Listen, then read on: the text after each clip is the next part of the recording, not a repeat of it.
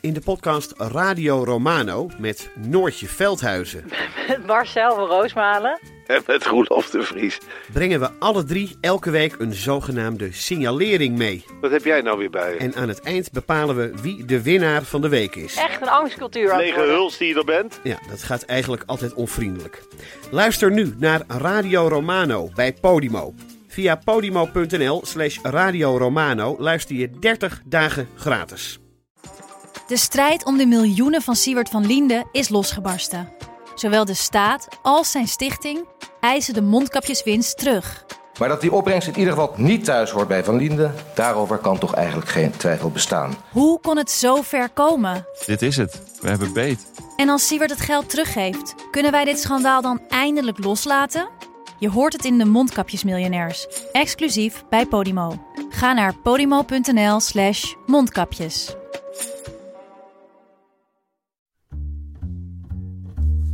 Hallo, dit is de wekelijkse podcast van de Groene Amsterdammer. Ik ben Kees van den Bos.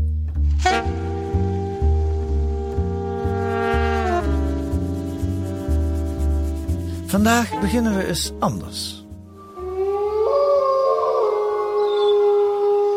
U hoort een wolf. Deze is van YouTube, maar je kunt hem, als je geluk hebt, ook horen op de Veluwe. Kijk ook uit voor wolvenpoep als u daar loopt. Het beest is 150 jaar weg geweest en sinds vorig jaar is hij weer terug. En dat houdt de gemoederen flink bezig. Groene redacteur Irene van der Linden verdiepte zich in de argumenten van de voor- en tegenstanders. En deze week kunt u in De Groene haar verhaal lezen. Dag Irene. Hallo. Ik ken jou eigenlijk meer van sociaal-maatschappelijke verhalen over vluchtelingen en zo. Waarom ineens een wolf? Nou, dat begon eigenlijk met ehm, dat ik samen met een collega een verhaal maakte over de Oostvaardersplassen. Ja. En dat ging eigenlijk ook al over de gepolariseerde discussie over hoe je met zo'n natuurgebied omgaat en de woede van mensen tegen de wetenschappers die dat daar hadden gecreëerd. En toen eigenlijk vlak daarna hoorde ik over de wolf. En ik heb ooit zelf eh, een paar, nou nu al wat lang geleden, tien jaar geleden, vijftien jaar geleden denk ik, ben ik op zoek gegaan naar een wolf in Roemenië, in de bergen, in de Karpaten. Is dat zo? En eh, het was ook voor een verhaal. Het was voor een verhaal over eh, vrijwilligerswerk. En in ieder geval, ik had me daar aangemeld en heb toen twee weken op en neer door die bergen gerend. Achter een Duitse onderzoeker aan met zo'n zender in mijn ha- hand. Op zoek naar de, een wolvenden, een nest. Ja. Heb ik niet gevonden. Ik heb überhaupt niets van die wolf daar gezien. Na twee weken. En die Karpaten is heel hoog. Het was echt zo op en neer lopen. Maar in ieder geval, eh, daardoor was ik ook al gefascineerd door de wolf. En toen kwam dus hier weer de wolf opeens. Nou, dat is toch wel fascinerend. Het is een grote toppredator, een groot roofdier. eh, in Nederland. Ik Ja. had al gehoord, hij is in Duitsland en Frankrijk al terug, maar hij maakt echt een opmars. En ik hoorde dat ook hier de discussie meteen heel fel was. En, en weer eigenlijk datzelfde, eh, die po- polarisatie. En ik was daar toch wel benieuwd naar van hoe kan dat nou? En wat speelt daar dan? En wat betekent het ook, zo'n wolf in Nederland? In toch een heel erg cultuurlandschap. Oké, en toen ben je erin gaan verdiepen. Eh, we gaan straks verder in op dat debat. Het is een enorm gepolariseerd debat, zoals je ook al zei, met felle voor- en tegenstanders. Vooraf een vraag. Eh, Is er één mening bij die jou verrast heeft, die jou van, waardoor je van mening veranderd bent, die jij gehoord hebt?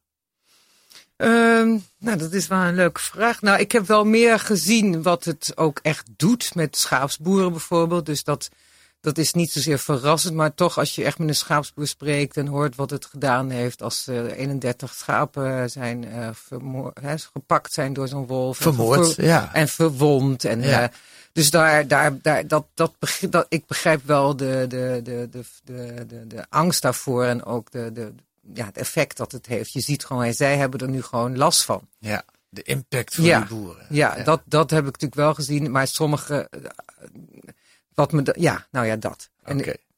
Oké.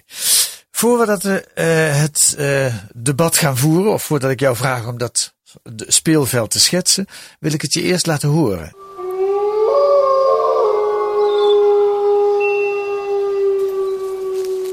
Dit is nou een uh. Eind deze maand, dan is het zover. Dan is het een half jaar sinds een wolf zich vestigde op de Veluwe. Dit is een van de drollen die we hier op de Veluwe hebben gevonden. En volgens alle faunaregels mag je na een half jaar, als die blijft, die wolf, spreken van de officiële terugkeer van zo'n dier in ons land. Na 150 jaar. Feest dus voor natuurbeschermers, maar niet voor boeren.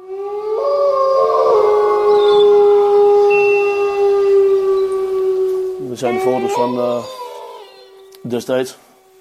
Uh, ja, alle slachtoffers die er lagen, zeg maar. Vorig jaar juni passeerde een wolf de boerderij van Christian Kalter in het Overijsselse Weijen. Kom, jongens! Kom, hebbies! 31 van zijn schapen werden doodgebeten. Om het vee tegen de wolf te beschermen, helpen vrijwilligers van de organisatie Woolfencing boeren met het afrasteren van hun land. Zo hopen ze het draagvlak voor de wolf te vergroten. Als een wolf uh, erop uit is om schapen aan te vallen, dan moet je de ruimte hebben om die kunnen, te kunnen afschieten. De wolf is gewoon welkom. Het is mooi dat het dier terug is in Nederland, omdat het uh, nu eenmaal een soort is, die is onderdeel van de natuur. Ik denk dat Nederland te druk is voor de wolf. Um, en ik denk dat de discussie die nu gevoerd wordt over de wolf eigenlijk laat zien dat er een hoop um, landschapsbeheerders en ecologen zijn die nog niet zoveel geleerd hebben van het Oostvaardersplassen debakel. De natuur is een prachtige rijkdom van scharrelvlees. Um, ja, en met, met de komst van de wolf wordt die rijkdom wel wat minder. Voor uh, 150 jaar geleden, of 170 jaar, weet ik veel hoe lang het precies is, hebben ze ze verjaagd. Omdat er grote problemen waren destijds.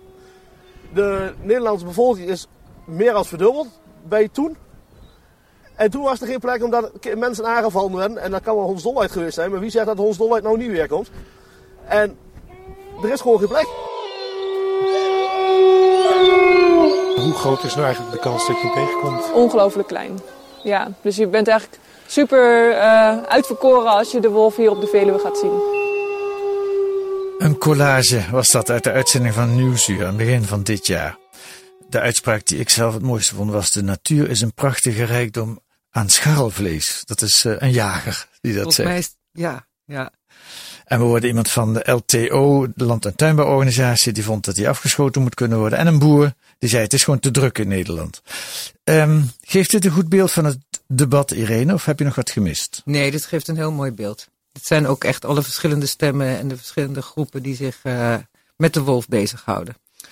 Het woord Oostvaardersplassen viel, daar had jij het ook al over. Daar ging de strijd tussen wilde dieren die in het wild dood kunnen gaan, of gedomesticeerde dieren die je moet voederen. En daar hebben de natuurontwikkelaars, zou je kunnen zeggen, het pleit verloren. Daar heb je in december ook een stuk over geschreven. Is er verband tussen die twee debatten? Ja, er is heel veel de verband. En er wordt ook eigenlijk door iedereen steeds aangehaald. Zowel aan de kant van uh, uh, de, de natuurorganisatie zegt, nou daar hebben we van geleerd. En dat moeten we niet zo doen. We willen juist de groepen, laten we de groepen proberen bij elkaar te brengen. En uh, als van de kant van de tegenstanders die dat er ook steeds bij halen en zeggen: hoe kan het nou? Nu hebben we de wolf en we hebben daar, uh, we hebben het toch gezien, het kan niet. Is dat trouwens, als je terugkijkt naar de Oostvaardersplassen, niet iets wat ze daar verkeerd gedaan hebben? Dat ze de, de mensen die wilden bijvoederen en die, die dieren die daar lagen te creperen wilden helpen, dat ze die niet serieus genoeg genomen hebben? Dat daar meer voorlichting op had gemoeten?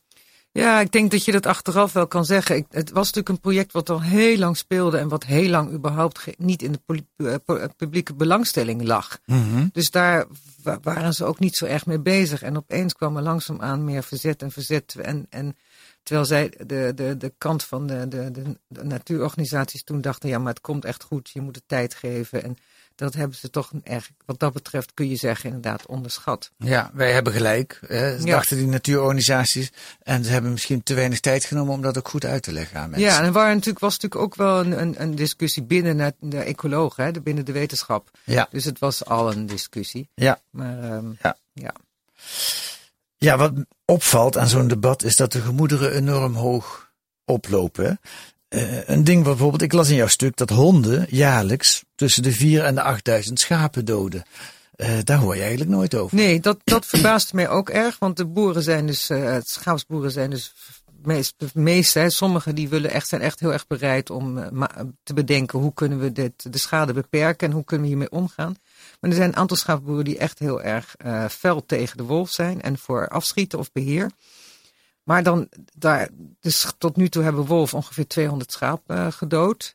In de paar jaar dat ze hier nu zijn. Terwijl jaarlijks 4 tot 8000, toen ik dat hoorde, dacht ik, jeetje, dat is veel. Ja. En, en dat wordt dan natuurlijk verrekend met particuliere hondeneigenaren. Ja. Maar dat is wel, vind ik, echt een enorm groot aantal. En, en, en toch ook iets waarvan je denkt, daar mogen boeren toch zich ook misschien een beetje rekening mee houden. En kijken hoe je die schapen beter kan beschermen daartegen.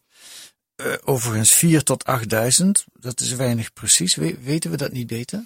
Nee, blijkbaar niet, want het wordt natuurlijk onderling geregeld. Dus het is, uh, ik, dit is van NRC Checked gekomen het aantal. Maar het is, het is natuurlijk niet iets wat verder ergens wordt geregistreerd. Als een, als een baasje een hond loslaat en die pakt een schaap, dan uh, regelt de boer dat verder met dat uh, hondenbaasje. Ja, ja, dat hoeft niet gemeld nee. te worden ergens. En een verschil is ook dat zo'n wolf uh, in één geval er 31 tegelijk doodmaakt. Dat is natuurlijk indrukwekkend. Ja, ja, in Precies ook wat jij beschreef, wat jou, op jouw indruk ja, heeft gemaakt. Ja, deze boer die je net ook hoorde, die, die, die heb ik ook gesproken. En ik geloof in eerste instantie waren er twaalf direct dood toen hij op het veld kwam, op zijn veld. En er waren 19 gewond. En uiteindelijk uh, van de stress en de anti antibiotica zijn er later dus nog een paar dood gegaan. Ja. Maar uh, ja, dit was wel de grootste slachting hoor. Ja. Dit, deze wolf, dit, dit is ook de, gedaan door de allereerste wolf die zich in Nederland gevestigd heeft. Zij woont, zit, leeft nu op de Noord-Veluwe. En dit is wolf, grijze wolf GW 998F. Oké. Okay. En um, uh, zij heeft vrij veel schapen onderweg. Want eigenlijk dode wolven alleen maar schapen tot nu toe. Maar dat blijkt ook wel uit Duitsland. Als ze zwerven. Ja, dat zag ik ook. Leg dat eens uit. Hoe zit dat? Nou ja, als ze zwerven lopen ze. Ze zijn ze vertrekken. Want deze, die, die eerste wolf die ik net noemde. Die komt uit een roedel in Babbe. In, in, in Oost-Duitsland. Bij, bij de Poolse grens. En die is op een gegeven moment na één of twee jaar. Moet de jonge wolf. Of gaan de meeste jonge wolven de roedel uit. En dan gaan ze zwerven op zoek naar een eigen territorium. En uh, deze Finn is in Nederland terechtgekomen en die lopen dan, lopen namens s'nachts soms wel 80 kilometer. Dus je kan me voorstellen dat dat is natuurlijk heel vermoeiend. Uh, ze heeft dan ook minder tijd om te jagen. Dus dan komt ze aan uh, op een schapenveld bijvoorbeeld. En die zijn heel makkelijk uh, te bereiken. Hoeft het soms, meestal is er maar een greppeltje over en je bent er al. Ja. En uh, nou, als je dan honger hebt, moe bent, dan is het wel heel verleidelijk om zo'n schaap uh, even te pakken. Maar is dat dan niet meer op het moment dat ze in de Veluwe in Nee, dat blijkt dus. Dat uh, nu deze wolven, ook er zijn nu drie wolven op de Veluwe, die hebben daar, terwijl daar ook schaapskuddes zijn en ook s'nachts schaapskuddes beschikbaar, hè, die kunnen, zouden ja. ze bij kunnen hebben ze geen schaap meer gepakt. Dus eten ze echt alleen maar wild. Ree, damhert, uh, edelhert, wilde zwijnen. Ja. Daar hebben we heel erg veel van in Nederland. Meer dan ooit. Het is in Duitsland hetzelfde. We hebben enorm veel wild. Dus uh, daar kan best wel iets van af. En dan eten ze, dan, dan jagen ze gewoon op één beest. En dan doden ze dat ene beest. En ook niet meer. Ja. Zoals ze dat met schapen doen. Ja. Veel wild, veel scharrelvlees, zou de jager zeggen. Ja. Wat is eigenlijk de rol van de overheid? Het gaat hier tussen natuurbeschermers aan de ene kant. Uh, mensen die romantisch naar de natuur kijken en zeggen: Wauw, daar komt een, een, een groot wild beest komt weer hier wonen. Aan de andere kant de jagers, de boeren. Dat zijn zo'n beetje de, de, de, de, is een beetje de andere partijen die er last van hebben. Um, wat is de rol van de overheid? Ja, dat is wel een goede vraag. Want daar, daar, het verschil ook natuurlijk met de Oostvaardersplassen is dat deze beest, de, wolf is niet uitgezet. De wolf komt hier die, en er komen steeds meer wolven vanuit Duitsland. Dus het is gewoon iets waar wij mee te maken hebben. En um, ja, je zou natuurlijk eigenlijk zeggen, en de wolf, de, de overheid die heeft, om, omdat de wolf beschermd is, de verplichting eigenlijk om die wolf, om daar ook iets mee te doen en om die wolf te beschermen. En ook te kijken naar wat doet het met burgers, met de samenleving. Mm -hmm. Maar op dit moment, de, de, de wolf valt onder provincies, omdat het natuurbeheer valt onder provinciaal beheer. En de provincies hebben samen een uh, wolvenplan opgesteld. En daar uh, hangt het een beetje per provincie af hoeveel, volgens hebben er afgesproken hoeveel vergoeding boeren krijgen om preventieve maatregelen te nemen. Dat bestaat met name uit stroomhekkenplaatsen van een bepaald van 1,20 meter hoog, geloof ik. En um, kuddebewakingshonden. En dat is met name eigenlijk voor herders, voor kuddes die lopen, waar dus geen hekken omheen staan. En um, daar krijgen boeren subsidie voor. Ja. Tenminste in sommige provincies. En dat, zijn, dat, dat wisselt dus nog erg. Want elke provincie kan het dus zelf kiezen. En die subsidie is tijdelijk. Hè? Dan krijgen de boeren de tijd om zich voor te bereiden op de wolf dat die terug is. Maar ik geloof drie jaar lang. Ja, dat is nu. Subsidie. Ja. ja, nou dat, en dat kan natuurlijk nog. Bij, in, Duitsland loopt die subsidie nog steeds. In Duitsland is de wolf al twintig jaar. En daar vergoeden ze. Uh, wat ik heb begrepen, 80% uh, van deze kosten. In Nederland is het nu in Gelderland, die loopt een beetje voorop daar. Die hebben natuurlijk ook veel te maken met de wolf. Daar is het nu voor 50% wordt het vergoed. En, uh, maar bijvoorbeeld in, in Overijssel, waar deze boer uit Weijen komt, dan wordt het niet vergoed. Oh. Dus uh, daar, die, die, die zwerfprovincies, daar, daar is het nog een beetje anders. Maar um, wat wel vergoed wordt sowieso, en dat is overal, als een schaap gedood wordt door een wolf, krijg je dat schaap vergoed door de overheid. Ja, ja. Een wolvenplan. De wolf moest dus weten. Schapenboer Nick Kalter, die jij ook bezocht hebt, die zegt in jouw stuk: mensen die dat wolvenspul mooi vinden, die zitten s'avonds voor de tv. Maar wij leven er hiermee. Is die tegenstelling ook een kwestie van stad tegen platteland? Nou, dat is wel een beetje wat je ziet. En, en daar, daar kun je. Ik heb ook een uh, Martin Drenthe gesproken. Hij is hoofddocent in Nijmegen. Hij is natuurfilosoof. En hij, hij zegt daar ook wel iets over. Ja. En um, kijk, voor stelingen is het natuurlijk makkelijk. Stelingen hebben ook de neiging om, om, om de natuur, de wilde natuur te verromantiseren. Dat vinden we mooi. Het is, het is natuurlijk ook. En je loopt nu, als je nu op de Veluwe loopt. En daar, ja, je, je weet gewoon, daar kan een wolf lopen. Hij kan naar je kijken. Er is opeens gewoon een, een, een wildere natuur gekomen. En toch ons natuurlijk toch vrij aangeharkt landje. Dus dat, dat, dat, dat idee eigenlijk alleen maar, want je ziet hem waarschijnlijk nooit. Dat idee is toch wel heel erg mooi. En dat vinden stedelingen natuurlijk, ja, dat is voor stedeling mak. Wij gaan één keer per jaar naar de Veluwe, doen we een wandeling en je gaat Ja. weer terug. Ja. En natuurlijk heeft een boer er meer mee te maken. Dat, dat is uh, absoluut zo. En die kijkt ook anders naar de natuur. Ja, en dat is wat, uh, dat, wat Martin Drenthe ook zei. En dat vond ik zelf wel mooi. Hij, hij, dat, dat, de, dat boeren natuurlijk toch al eeuwenlang juist bezig zijn met de natuur te beheren en onder controle te krijgen. En uh, zich ook bewuster zijn van de kwetsbaarheid van, van mensen. Ja. En, en zeker vroeger, en dat is natuurlijk ook wel interessant. Schapenindustrie was vroeger gewoon heel groot in Nederland. En de wolf was wat dat betreft in die tijd, zo'n 200 jaar geleden, echt een grote bedreiging voor die schaapsboeren. Dus dat is ook wat nog in het collectief bewustzijn zit. Ja, ja. In Duitsland is het ook deels een politieke kwestie geworden. Uh, de AFD, de Alternatieve voor Duitsland, de rechtspopulistische partij, die portretteert de wolf graag als immigrant. Uh, die kinderen en het gezinsleven bedreigt en die beschermd wordt door elites. Daar heb je het weer. Zie je dat in Nederland ook al eigenlijk? Die, die verpolitisering van het probleem? Nou, je ziet het wel een beetje. Je, de, de, de, je hebt hier natuurlijk, ik heb ook Annie Schreier-Piering gesproken, de, de Europarlementariër van het CDA in uh, Brussel. En zij is heel fel tegen de wolf en vindt dat er gewoon mogelijk dat de beschermde status uh, weg moet gehaald, af, afgeschaft ja. moet worden, zodat die afgeschoten kan zij worden. kiest voor het boerenstandpunt. Eh, maar dat is natuurlijk echt het boerenstandpunt. Um, maar ik denk, je ziet, het, je ziet het snel verschuiven. En dat is eigenlijk. Ik sprak ook een, een wolvenspecialist uit Duitsland. En hij zei ook van nou, eigenlijk is het heel lang goed gegaan, dat debat. Maar je ziet hem nu toch polariseren. En inderdaad, opeens die extreemrechtse partijen, die populistische partijen. Die toch eigenlijk bijna altijd ook anti-wolf zijn. Ja, ja. In Nederland zie je dat nog niet. Ik heb nog geen uitspraken erover gehoord. Maar Thierry Baudet heeft er nog geen tweet Ik heb het over niet verstuurd. gezien. Nee, nee. Oké, jij bent daar nu een paar weken mee bezig geweest. Uh, ben jij voor of tegen de wolf? Ja, dat, dat hebben heel veel mensen mij gevraagd terwijl ik hiermee bezig was. Want ik ben er zelfs een paar maanden mee bezig geweest. Want het is toch een hele grote zoekactie, deze wolf geweest. En ik heb hem trouwens weer niet gevonden, wat natuurlijk heel frustrerend was. Maar... Um, hij staat wel op foto's in de groene, hè? Maar ja, hij dat... staat wel op foto's. Dat is een, een, een cameraval op de, in Drenthe, waar, Ja. die, waar ze toevallig gezien is. Ja, Maar um, um, het, het, het, ik heb, kijk, die wolf die is er. En hij is gekomen en uh, we zullen er iets mee moeten doen. Hij is beschermd en dat zal voorlopig niet verdwijnen. ja. Um, uh, dat kan zijn. En er zijn in sommige landen wordt er nu wel iets aan, aan beheer gedaan als het echt te veel is. Want op een gegeven moment kun je natuurlijk afvragen, ja, tot wanneer gaan we? En, want er is nu een paardje op de Noord-Veluwe. Dus het zou kunnen zijn dat er in mei al een roedel is met wolven. Puppies. ja, dat had En- ik als laatste nieuws. Hè. Er zijn aanwijzingen dat grijze wolf 960F, die op de Veluwe leeft, zwanger is. Hè? Ja, ja, ja, 900, volgens mij is het vrij, vrij, van de grijze wolf 998F. Kijk, heb je dat weer. 960 heeft nog geen, geen mannetje gevonden. Oké. Maar het is natuurlijk nog niet helemaal zeker. Ik, niemand heeft, die, die wolf is niet zo makkelijk te pakken, te vangen Nee. of wat dan ook. Nee.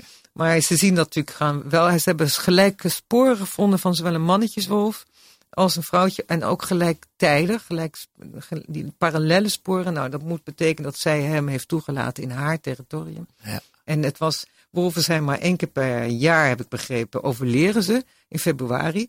En net in die tijd was dat mannetje er. En ze hebben ook nog ovulatiebloed van haar gevonden.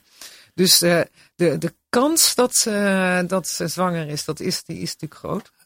Maar in ieder geval, op het moment dat dat gebeurt, dan hebben we dus een roedel. En dan gaan op een gegeven moment daar ook weer jongen na één of twee jaar lopen. En die gaan we weer een roedel vormen. Dus je, nou, je gaat natuurlijk op een gegeven moment wel uitbreiden. Ja. Even terug naar die vraag. Ben je voor of tegen de wolf? Jouw standpunt is, er is gewoon een wolf. Er is een wolf en ik denk dat we, dat, dat het ook... Ik, en je bent er niet voor om, om ze allemaal dood te schieten? Nee, en het blijkt ook, eh, kijk, ik ben natuurlijk geen wolven-expert, maar er zijn veel mensen die mij hebben gezegd van, ja, maar dat is ook helemaal niet zo simpel. Want je kan wel een wolf gaan schieten. Je kan moeilijk met z'n allen aan de grens, Duitse grens gaan staan en die wolven gaan schieten. Want eh, ja, dat zie je niet. Zo snel komen ze neer. Zo, ze sluipen natuurlijk toch de grens over. En zoveel zijn het er ook nog niet. Ja. Maar het schijnt ook als je een volwassen wolf schiet, dan weet je helemaal niet wie of wat het is. Het kan zijn dat dan een roedel uit elkaar valt en dan gaan die jongen juist zwerven. Dan hebben boeren er juist weer meer last van. Dus het is ook niet zo van, nou schiet maar even wat wolven en dan is het probleem opgelost. Die wolf, ja, die doet het goed. Komt ook omdat het de grote wildstand is. Dus en, hij, in, in Duitsland gaat het heel goed met de wolf. Uh, die, daar is hij nu 20 jaar. Er zijn ongeveer 800 wolven, denken ze nu. En um, daar eet een wolf gemiddeld nog maar, maar één schaap per jaar. Dus dat valt, de schade wat dat betreft valt heel erg mee. Dus het, er is best te leven met een beperkt aantal wolven in een land. We gaan het meemaken. Dankjewel Irene van der Linden. En deze week kunt u dat uitgebreid lezen in De Groene Amsterdammer. En elke week kunt u analyses en achtergronden bij het nieuws horen in deze podcast van De Groene Amsterdammer. Deze week in De Groene ook een onderzoek naar de verspreiding van nepnieuws aan de vooravond van de Europese verkiezingen. De trollen blijken ondanks Europese maatregelen gewoon hun gang te kunnen gaan. Het lijken wel wolven. De kunstredactie recenseert de hoogtepunten van het Holland Festival dat deze maand begint. Volgende week zijn wij er weer. En wilt u een proefabonnement op De Groene, ga dan naar groene.nl. Dan kunt u voor 15 euro 10 weken De Groene krijgen. Deze week werd De Groene podcast gemaakt door Laura Kelderman en Kees van der Bos. En de muziek is A Tune for N van Paul van Kemenade.